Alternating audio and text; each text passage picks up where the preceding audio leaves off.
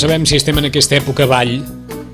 Ball vol dir d'una certa calma, calma editorial, calma de novetats, calma de vendes, calma de tot. Rosana, bon dia, bona hora. Hola, molt bon dia. Calma de tot? Bueno, sí, calma de tot, però sobretot de, de novetats, perquè, de fet, eh, ja han tirat la persiana, o sigui, hem baixat la persiana ja de novetats fins al dia 31, si no m'equivoco, d'agost, 31 d'agost. Caram, encara, encara trobo que esperen molt, no? Sí, de fet, eh, ja saps que, bueno, eh, no és que estiguin de vacances encara, però bé, sí que comencen els torns de comercials de, de vacances, les Ahà. editorials encara estan obertes, però de fet estan ja preparant fires i, i promocions de, de setembre, eh, de Mhm. fet, perquè, esclar, per no començar allò, per tenir-ho tot, tot, tot a punt, perquè el dia 31 hi ha, doncs, allò, una gran novetat. És que, una, eh? és que anava a preguntar precisament Quina? per si abans de tancar la persiana algú ja ha fet saber quines novetats seran les de la rentré, no? Sí, sí, sí. O sigui que el dia 31 d'agost hi ha una novetat Que gran, diu- gran, que es diu...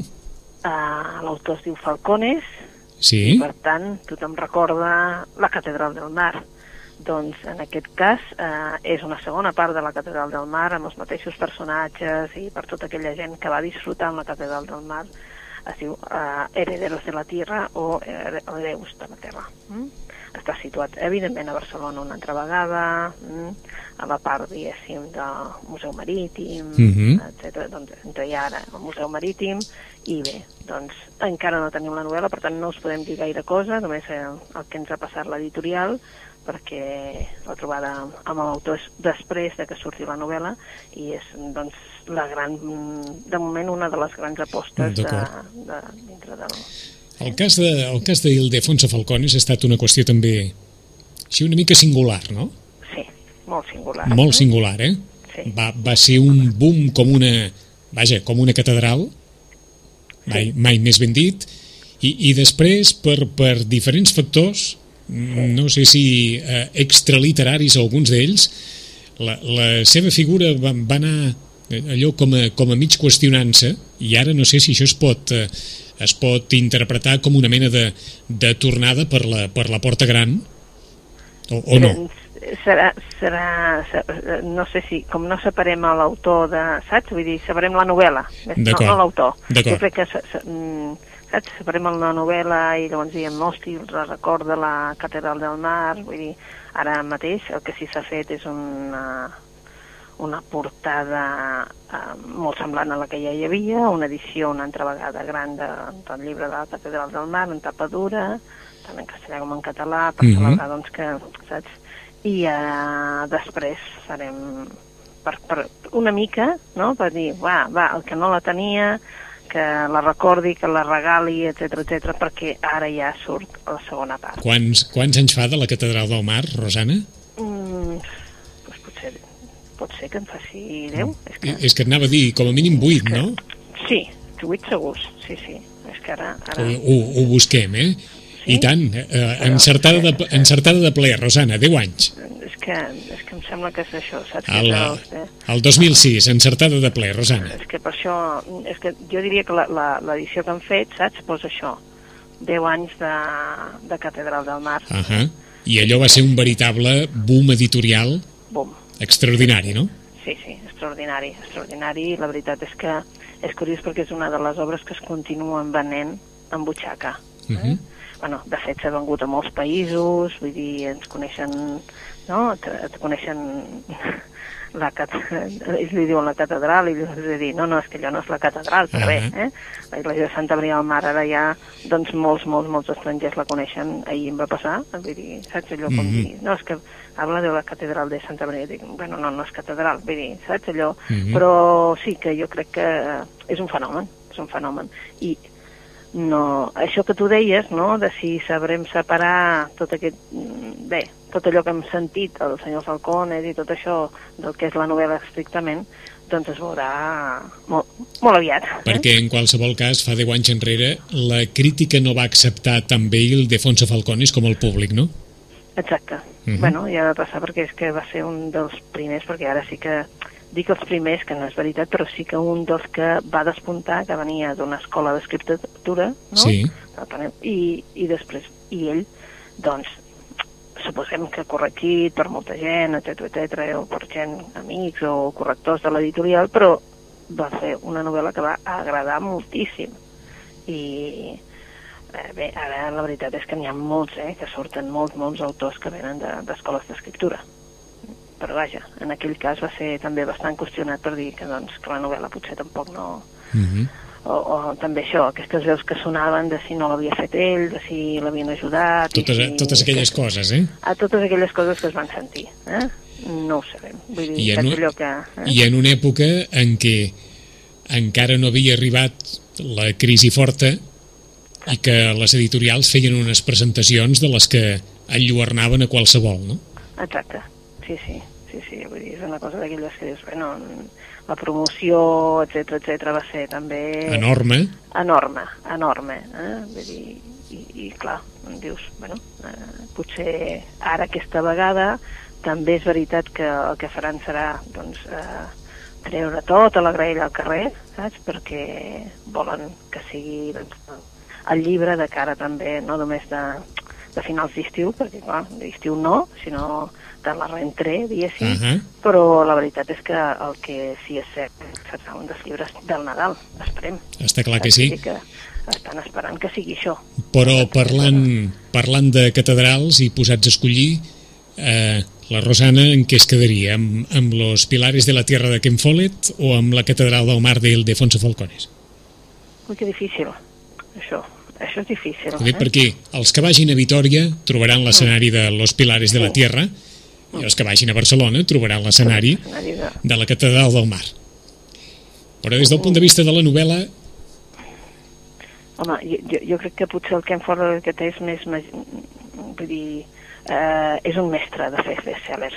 Mm -hmm. És un mestre, vull dir, és que se li ha de considerar un mestre perquè, perquè en fa, i en fa un darrere l'altre, i la veritat és que aconsegueix que tots tinguin un èxit terrible.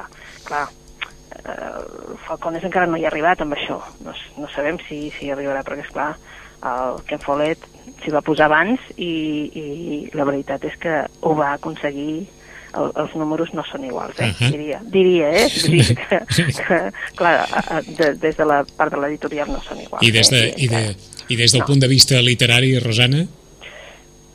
Home, tampoc, tampoc. Tampoc. Eh? Malgrat, malgrat que s'ha de dir que la novel·la del Ildefonso Falcones, diguin el que diguin, enganxa.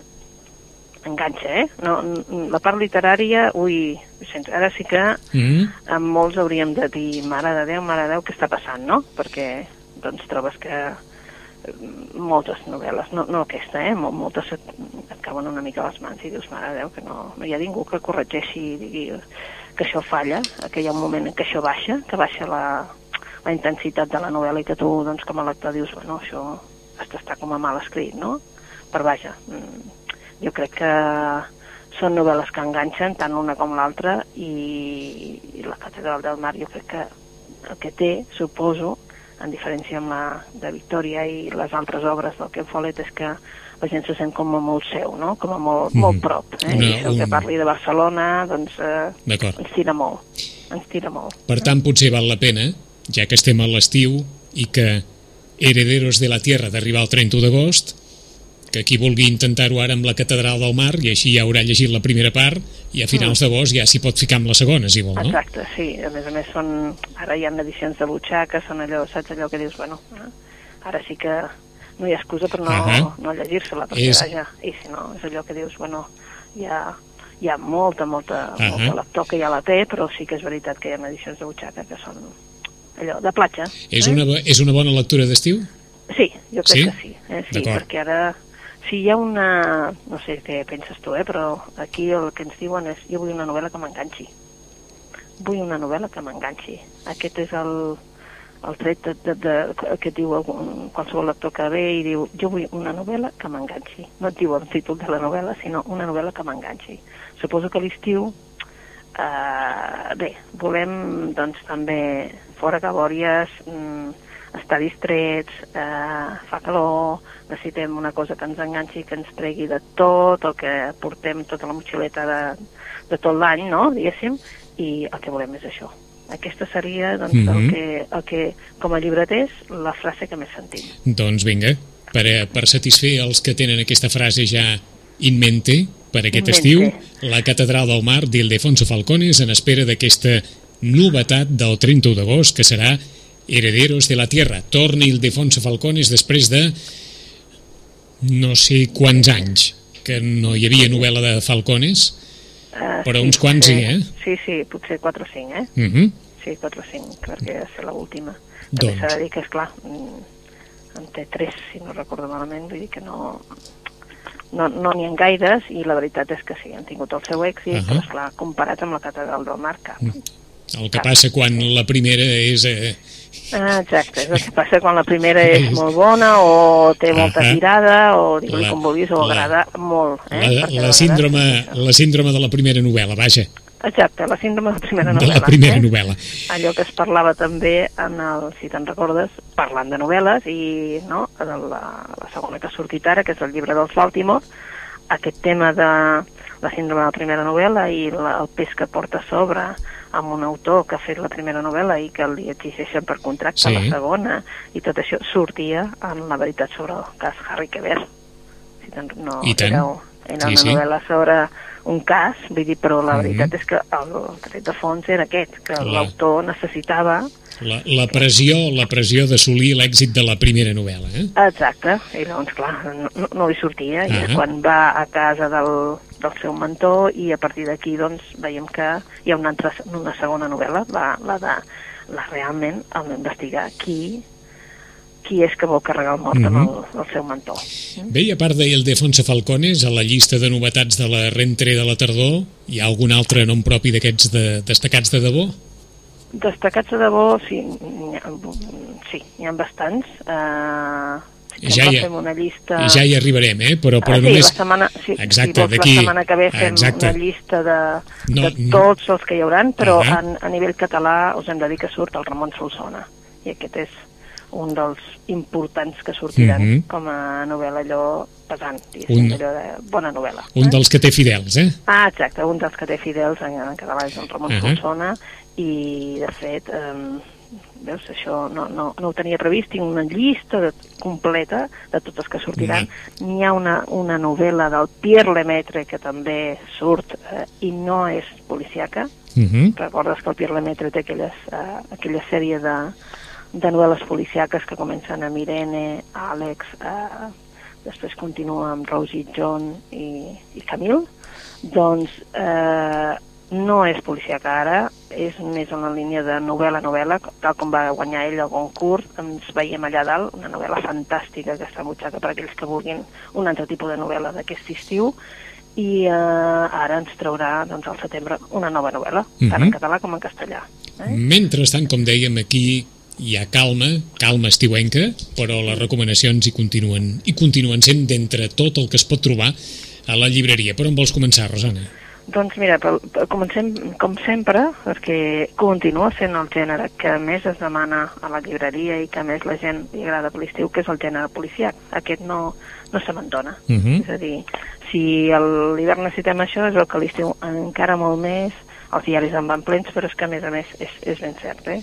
Una novel·la que m'enganxi, una novel·la que, que no em faci pensar gens i el que al final acabem tots és amb aquest gènere negre, eh?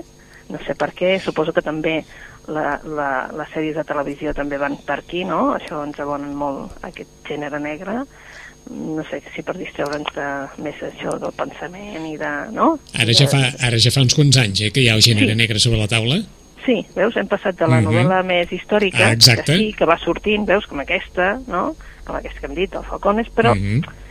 són més Però residuals, no? Vull de, dir... Des que varen irrompre els autors de, de l'hemisferi nord, Exacte, sí, des de que que, no hem, de, del nord... no hem deixat, no hem deixat la novel·la negra en cap moment, eh? En absolut. No hem deixat En la novel·la negra en cap moment. No, no. Vinga, primera recomanació. Bé, és una novel·la que, eh, d'aquestes que, saps allò, eh, una que agradi a tothom, tal com va passar, una que agradi a tothom, tal com va passar l'any passat amb la noia del tren, Sí. malgrat que jo soc de les que no, no sóc d'aquest tothom, però perquè reconec que no, no, em va fer, no em va acabar de fer el pes, però sí que reconec que té una intriga, etc etc, però que potser a mi no em va acabar de fer el pes, i llavors els meus els clients em van dir, home, t'has passat perquè sí. Doncs perfecte, eh?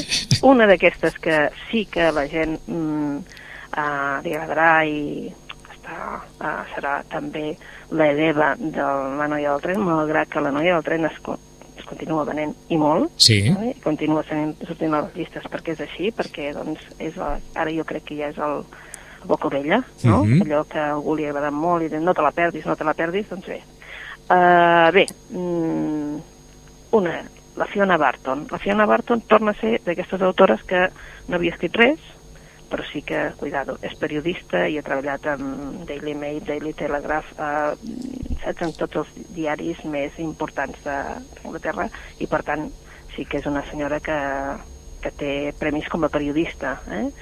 però bé, és una senyora que no havia escrit novel·la en si i apareix amb una novel·la policíaca, La vídua. Mm? En català, La viuda en castellà. Uh -huh.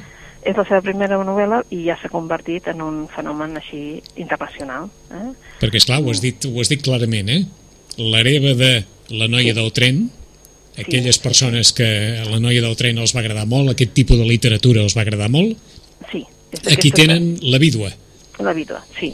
Una novel·la que enganxa, una novel·la que també ens posa doncs, en una situació així doncs, més de uh, casolana en el sentit de que presenta una sèrie de personatges i l'acció uh, té molt a veure amb aquests personatges concrets i és una situació doncs, una mica asfixiant perquè els hi passa, és moralment, els hi passen coses també morals. Eh?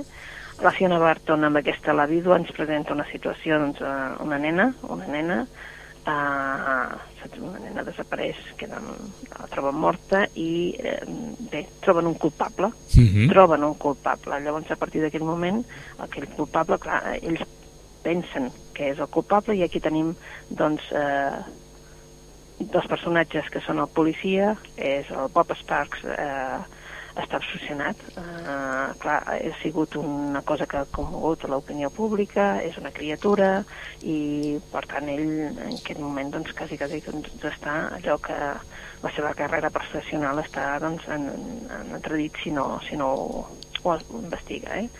Um, tots porten cap al Glenn Taylor, que és un home completament normal. Tots els trets de, diguéssim, de, de qui ha fet això ha sigut aquest, no? Uh -huh. Després tenim una periodista, ja sabem, també es qüestiona aquí el tema periodisme, quin tipus de periodisme hi ha, no?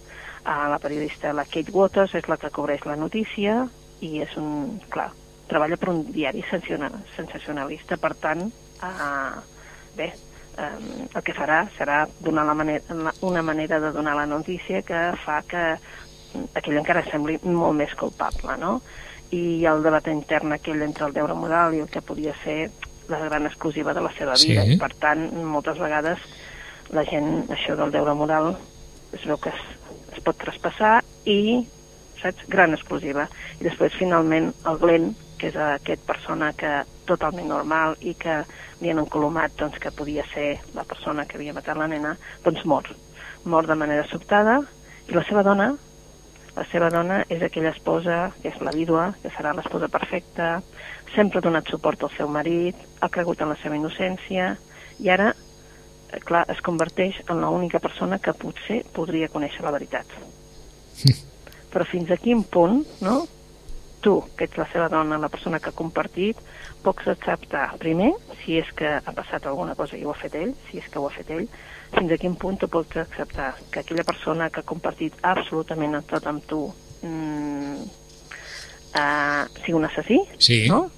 Uh, o bé fins a quin punt estàs disposat doncs, a arribar a, a no dir res, a tapar-ho, a fer veure que aquí no ha passat res, ell ara és vídua, i per tant... Mm, Uh -huh. I el cas queda tancat aquí, per dir-ho d'alguna manera. Ah, saps? Vull dir, és també aquesta situació moral de dir mm, què hem de fer davant d'això? Ser sincers, veure perquè pugui la, la investigació tiri enllà, Mhm. etc etc, mentir o actuar. D'acord, o sigui, Ah. o sigui que un presumpte culpable mor sense poder-se certificar la culpabilitat Exacte. I és una... Clar, hi ha secrets, eh? Hi ha, i, Hi ha clar, secrets, hi ha esclar. aquests secrets, eh? Que aquests secrets et poden canviar la vida, eh? Vull dir, llavors també és la qüestió aquesta moral, però la veritat és que és una novel·la que enganxa, que, que tu estàs allà fins a l'últim moment mirant a veure què, què passa Sí. i és una novel·la tan addictiva com era la, la noia del tren. Per això et deia que... I no, és, eh, I no és pel que llegim, Rosana, una novel·la curta, 528 pàgines de novel·la. Sí, però s'ha de dir que passa igual, a veure, amb la tren perquè, és, és, saps, la caixa doncs és eh, estreta, Sí. dir, la, la, la lletra és d'aquella que, que la veus bé, o sigui que són 500 pàgines, però vaja, d'aquelles que... De lectura ràpida, de ràpida. lectura fàcil, ràpida i també eh, una talla per a tots, saps allò? Eh, doncs això, és una novel·la per tots els públics, eh? Mhm. en aquest sentit de dir doncs, el que necessita doncs, més una novel·la més psicològica, el que necessita més um, un tipus de novel·la més eh, el que se n'hi diu ara domèstica, saps? Perquè és que li van posant etiquetes a les coses i al final ja no, ja no saps ben bé què t'estan dient, per això, eh? una novel·la en què hi ha una sèrie de personatges i la cosa no es mou d'allà. Eh? D'acord. no hi ha gaires escenaris, està allà, eh, la cosa, doncs això. Eh? Doncs qui vulgui, eh? qui vulgui una bona novel·la policíaca que a la vegada deixa anar algunes reflexions sobre com abordem determinats casos, d'aquells de ressò públic i mediàtic, aquí tenen La vídua, escrita per una periodista, la seva primera novel·la. La periodista és Fiona Barton. Aquesta és la novel·la i la Rosana promet una estona de lectura agradabilíssima i de lectura intensa. Segona recomanació. També, una per- l'altra la no sé si la vam recomanar l'altre dia, però bé, eh, comencem per una altra, per una autora que és d'aquí, però és mig d'aquí, mig d'allà. És a dir, la Rosa Ribas és una dona que, va néixer aquí, molt prop nostre, al Prat, eh, ja fa una pila d'anys, però eh, la veritat és que va anar cap a, cap a Alemanya i llavors, clar, mm, resulta que ens, ens publica unes novel·les que, clar, amb una comissària, eh, la Cornelia Weber Tejedor, que la fa mitja setmana, i de mare gallega. Mm? O sigui, la comissària que ens presenta també té aquesta doble mm, nacionalitat, per Sí. dir-ho d'alguna manera, o aquest doble tret. Eh? Mm -hmm. Aquest doble origen, vaja. Exacte, doble origen. Bé, ella ja ha publicat diverses novel·les i, bé, clar, eh, algunes amb una altra autora, però ara ja es va decidir des de fa temps a, a, a fer la, les seves pròpies, tot, tota sola. Eh? Amb, aquesta nova comissària va fer Entre dos aguas, en Caïda Libre, i ara amb aquesta que es diu Si no, lo matamos. Eh? Bé, és així Aquest, de dur. aquest és un títol per vendre, eh? Ah, aquest és un títol per vendre. Si no, lo matamos. I de què parla? Doncs, mm, bé, d'aquests... Eh, bé, d'això. Eh, d'un tema que també ha passat i ha passat bastant i semblava que no ens, no ens passava aquí a Europa, però sí, a, a l'Europa més, diguéssim, eh, més de cap aquí, des d'Alemanya cap avall, i resulta que sí. Eh? Llavors es, es parla d'un segrest després. Eh? Uh -huh. un assassinat que no hi ha explicació. Eh? Eh, bé, hi ha una comissària, que, aquesta comissària, que intenta doncs, eh, veure què està passant, perquè hi ha un advocat, el, el Thorsten Hagendorf, eh? que és un advocat que, que treballa per un bufet molt important, i el segresten, el segresten tres emmascarats, eh, exigeixen a la dona eh, tot el que tingui de valor i tots els diners que puguis treure de les seves comptes, i en canvi el Thorsten després, al cap d'unes hores, eh, aconsegueix escapar. Mm? Quan la comissària vol saber eh, què està passant, eh, quan interroguen el matrimoni, descobreixen que aquest no és el primer cas, o sigui, quan descobreixen, van cap a comissaria i veuen que aquest no és el primer cas de segrest express que, que hi ha a Frankfurt, i clar, llavors eh, veuen que doncs, aquesta realitat que no passava aquí, que no tenien aquestes màfies de segrest express, Uh -huh. resulta que comencem a tenir-lo. D'aquí el títol de Si no, lo matamos. Si no em dones tot, el matem. Eh? Uh, bé, és una intriga d'aquelles, saps allò de, que tens el, l'equilibri entre aquesta domèstica, és a dir, entre aquests personatges que tot passa allà en el seu entorn i la intriga aquella de, que passen moltes coses, perquè és Frankfurt, perquè la comissària d'homicidis vol també relacionar-lo amb altres casos que han passat i la veritat és que mm, és són una novel·la molt entretinguda també, una novel·la molt diferent, perquè té aquell toc que nosaltres també, malgrat que, que passa a Frankfurt, uh, té aquest toc també de que ella, la comissària, és també de mar espanyola i per tant té el, té aquell toc també més nostre, eh? Ahà. més mediterrani. La No comissària, la comissària que es diu Cornelia Weber Tejedor. Exacte. protagonista eh? d'aquesta d'aquesta novel·la, d'aquest Si no lo matamos, la història d'un segrest express que porta a la comissària Cornelia Weber Tejedor i el seu company, el subcomissari Rainer Fischer, a investigar en un passat, bé, com és propi de les novel·les policíaques, ple de reptes i ple de situacions fosques, fins que no quedi resolt aquest cas. Si no, lo matamos. La segona proposta de novel·la policíaca que ens ofereix avui la Rosana dins, aquesta, dins aquest rosari de, de lectures per, per l'estiu. Per on podem continuar? doncs podem continuar per una altra policiaca i acabaríem amb aquesta policiaca així, eh? que em sembla que no l'hem recomanada encara, és una policiaca que acaba de sortir i ens trasllada cap a Mongòlia. Mm? Mongòlia és un lloc que hi anem poc, eh, o sigui, eh, sí que s'hi va com a, com a turisme, però que realment si preguntéssim així en general a la gent, doncs, poc sabem de Mongòlia. Eh? Allò, i aquí resulta que doncs, hi ha un personatge que és el Gerald Delger, que és un tipus dur, un tipus mm, que té també una vida personal que no, diguem-ne, no gaire agradable en aquests moments i eh, bé, doncs ell li toca estar investigant eh, comença la novel·la que ell està investigant un cas eh, de que tres xin- xinesos han mort així en estranyes circumstàncies i l'aparten immediatament del cas i la fan anar cap a l'estepa mongola clar, mm, en principi doncs, no hi va de bon grat, perquè és clar, vull dir, ell volia investigar això, què passava, Mhm. si és que hi havia màfia xinesa, etc etc. i clar, mm, bé, doncs eh, eh, vol, mm, voldria anar amb aquell cas, no ho voldria deixar, l'ha de deixar en mans d'una altra comissària, però eh, se'n va cap a, eh, cap a l'estepa. Allà l'espera un cas ben diferent, eh? Mm, ben diferent perquè en realitat doncs, és una bicicleta enterrada, en principi no entén res i és que darrere d'aquesta bicicleta de criatura hi ha també el cadàver de la criatura. A partir d'aquest moment, clar, mm, doncs eh, ell ha de també, nosaltres també, sense saber-ne, eh, comencem a entendre també les creences de l'estepa mongola, perquè potser els occidentals estem molt acostumats a que tot és, no? Tot, eh, si és un cas i tal, doncs podria ser igual que el nostre, no. Hi ha unes creences eh, que el Gerald Delger mateix li costa d'entendre de, de com els, est- els que viuen a l'estepa diguem-ne, malgrat que veuen la televisió, que tenen que també per satèl·lit poden eh, estar al tanto del que passa completament accident, també encara volen preservar un tipus de vida i una manera Mhm. de fer les coses, no? Aquí al Gerald Delger doncs, tenim una, saps, una, un món que ens presenta que a partir d'aquest moment eh, és el que eh, serà el primer cas d'aquest eh, comissari, perquè és Gerald Delger, Muertos en l'Estepa, és el primer cas, i a partir d'aquí doncs, aquest Ian Manu, que és l'autor, ens portarà més casos d'ell.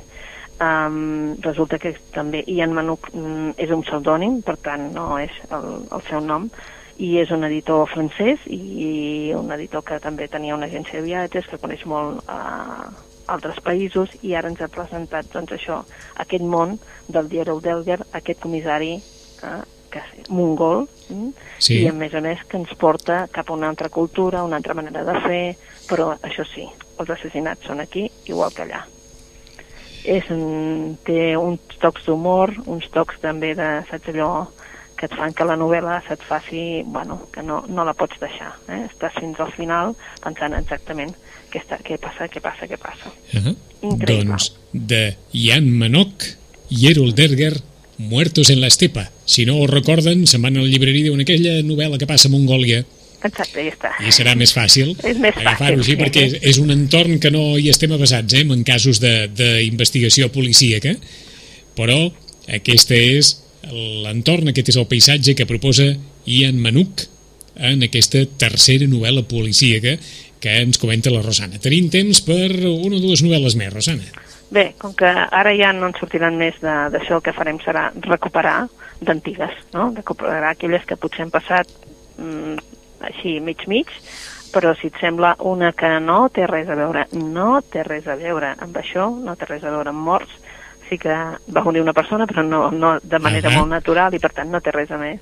I és una novel·la així com a molt um, és entretinguda però diferent. És apel·lar també a aquesta sensibilitat femenina, aquesta intriga sí que n'hi ha, però no és una novel·la d'intriga, és una novel·la també molt de sentiments. Es diu Pan de limón con semillas de amapola. Mm? És una novel·la per a aquells que els agrada doncs, eh, viure els sentiments, viure amb personatges i saber les vides mm, i què ens passa a la vida quan agafem un, un camí i deixem uh, un passat enrere i després el volem recuperar.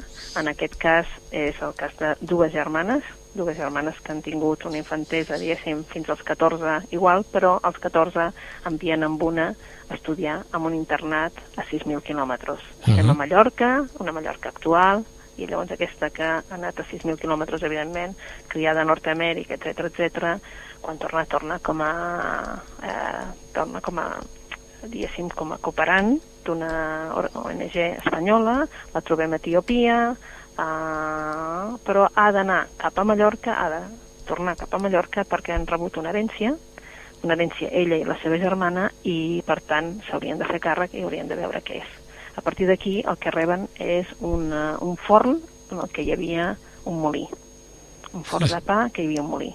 Això és, el que, això és el que reben d'herència les dues germanes, eh? Exacte, un forn de pa vale, uh -huh. tancat, que era allà a Valldemosa, vale, uh, que hi havia un molí, per tant era el forn on es feia el pa de debò. Ara s'han quedat sense forn allà i el que han de comprar al súper i llavors la gent també està d'una manera enfadada perquè és que no tenen forn de debò, no? I a partir d'aquest moment veurem que potser eh, hi ha moments en la vida en què decideixes i que potser la motxilla que portaves i que deies, bueno, no, no, la meva vida és aquí, allà, allà, perquè la, ella era cooperant, la Marina és cooperant i vol ser cooperant i va d'aquí cap allà, té un company des de fa uns anys, però van cap aquí, cap allà.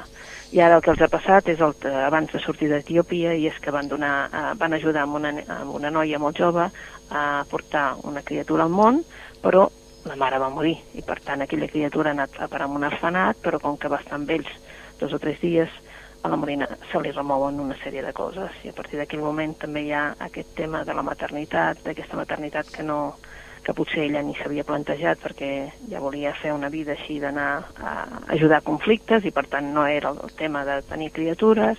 Uh, què passa quan ens estabilitzem en un lloc o estem un temps en un lloc, què passa? Què passa si ets dona i, i et planteges una sèrie de coses? I què passa amb l'altre que ha sigut el pol oposat de dues germanes, dues uh mhm. -huh. germanes que són pol oposat, però que en definitiva s'estimaven molt i tenien un pare que se les estimava totes dues moltíssim. Però la mare tenia preferència per la gran, no pas per la petita, que és aquesta que va anar a parar a 6.000 quilòmetres. Sí.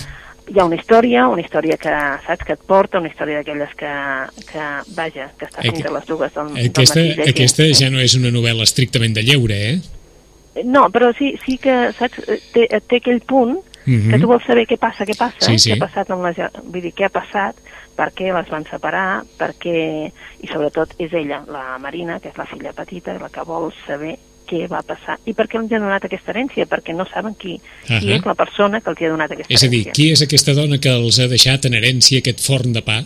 Exacte. Uh. -huh. I, que amaga I, per... aquest, I que amaga aquest misteri. Eh, amaga aquest misteri i a més a més elles, amb la seva àvia, també feien pa, amb la qual cosa doncs és com una mica que també hi ha les receptes, introdueixen cada capítol, introduïm amb una, amb una recepta per fer pa. D'acord, amb una recepta eh? veritable, eh? Una recepta veritable per fer pa, eh? Vull dir, de, de les de debò, eh? Vull dir, pels, que, pels amants de, de fer el pa així amb, amb massa. Sí. Eh, eh, I doncs, eh, per fer-lo, eh? La doncs... coca, la coca de d'allà i, bé, i aquest pa de, pa de llimona amb, amb, amb llavors, eh? Que, que el feien i el feia la, aquesta senyora que tenia el forn Lola i que ningú més ha pogut fer Entesos. igual. Eh? Una novel·la així més de sentiments, us ho diem, mm -hmm. eh? Vull dir, no té res a veure amb totes aquestes que dèiem, o sigui, farà per un altre moment, és a dir, per moments diferents de, o per el moment que tinguem tots, perquè de vegades tenim moments d'una cosa o de l'altra. Ah, Pan de limón con semillas de amapola de Cristina Campos, Cristina Campos i el temps just per una recomanació més pues per una recomanació més pues anem sent amb una ben esbojarrada, que és la, la de Juan José Millàs, eh? per aquells que no l'havien llegit, eh?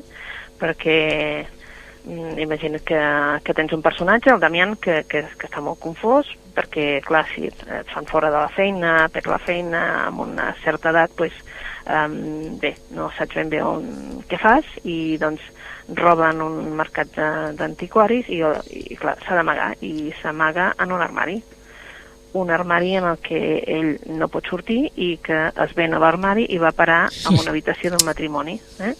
A partir d'aquí, mm, clar, és que en aquella habitació ja no són dos, ja són tres, eh? I forma part, de, ell és com si formés part del moble.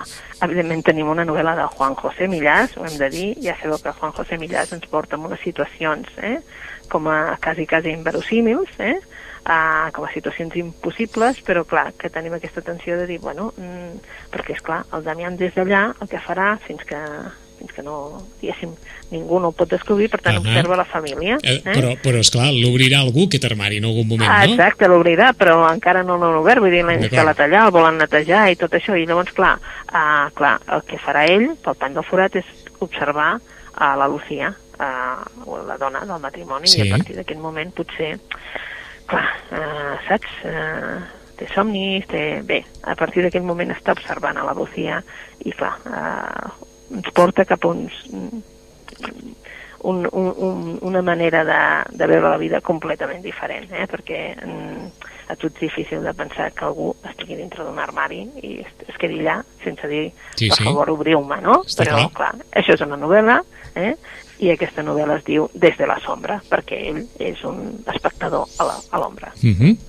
Des de la sombra de Juan José Millás, això ja és un altre registre absolutament diferent, eh? Sí, sí, sí, un registre eh? completament diferent. L'home perquè... que, perd, que perd la feina, que roba amb un antiquari, que com que ha robat es fica dins d'un armari, que roben l'armari, que aquest armari va parar a casa d'un matrimoni i l'home allà dins, fins que no s'obre l'armari, contempla la vida de la Lucía. O sigui que a, a través d'aquesta història, com deia, com deia la Rosana, tan inversemblant, apareix un, vaja, un exercici d'estil de la condició humana. Exacte. Sí. Des de la sombra de Juan José Millás, i hem afegit aquí aquesta història més lírica, per dir-ho d'alguna manera, més emocional, Pan de limón con semillas de amapola, la història d'aquestes dues germanes, una que se'n va, l'altra que es queda, i totes dues sobre la taula amb l'herència d'un forn de pa, i com, com aborden aquest, vaja, aquest nou episodi de vida cadascuna d'elles.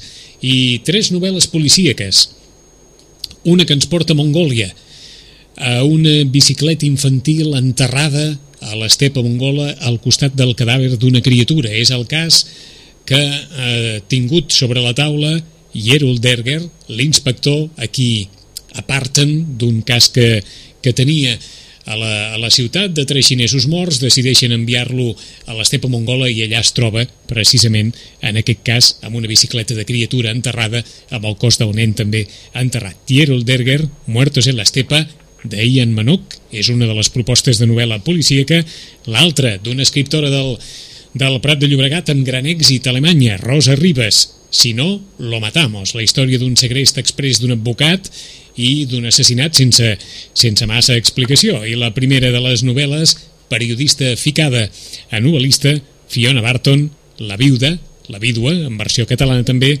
la història també d'una nena desapareguda, d'un fals o d'un presumpte culpable que mor abans de poder-se certificar la seva culpabilitat i d'una vídua que es mou en un mar de dubtes ètics i morals per, per saber si, si estimar el marit vol dir doncs no donar a conèixer la veritat o vol dir simplement donar-la a conèixer, entre altres coses. En 15 dies hi tornem en el temps dels llibres. Rosana, bona lectura. Molt bona lectura, també vosaltres.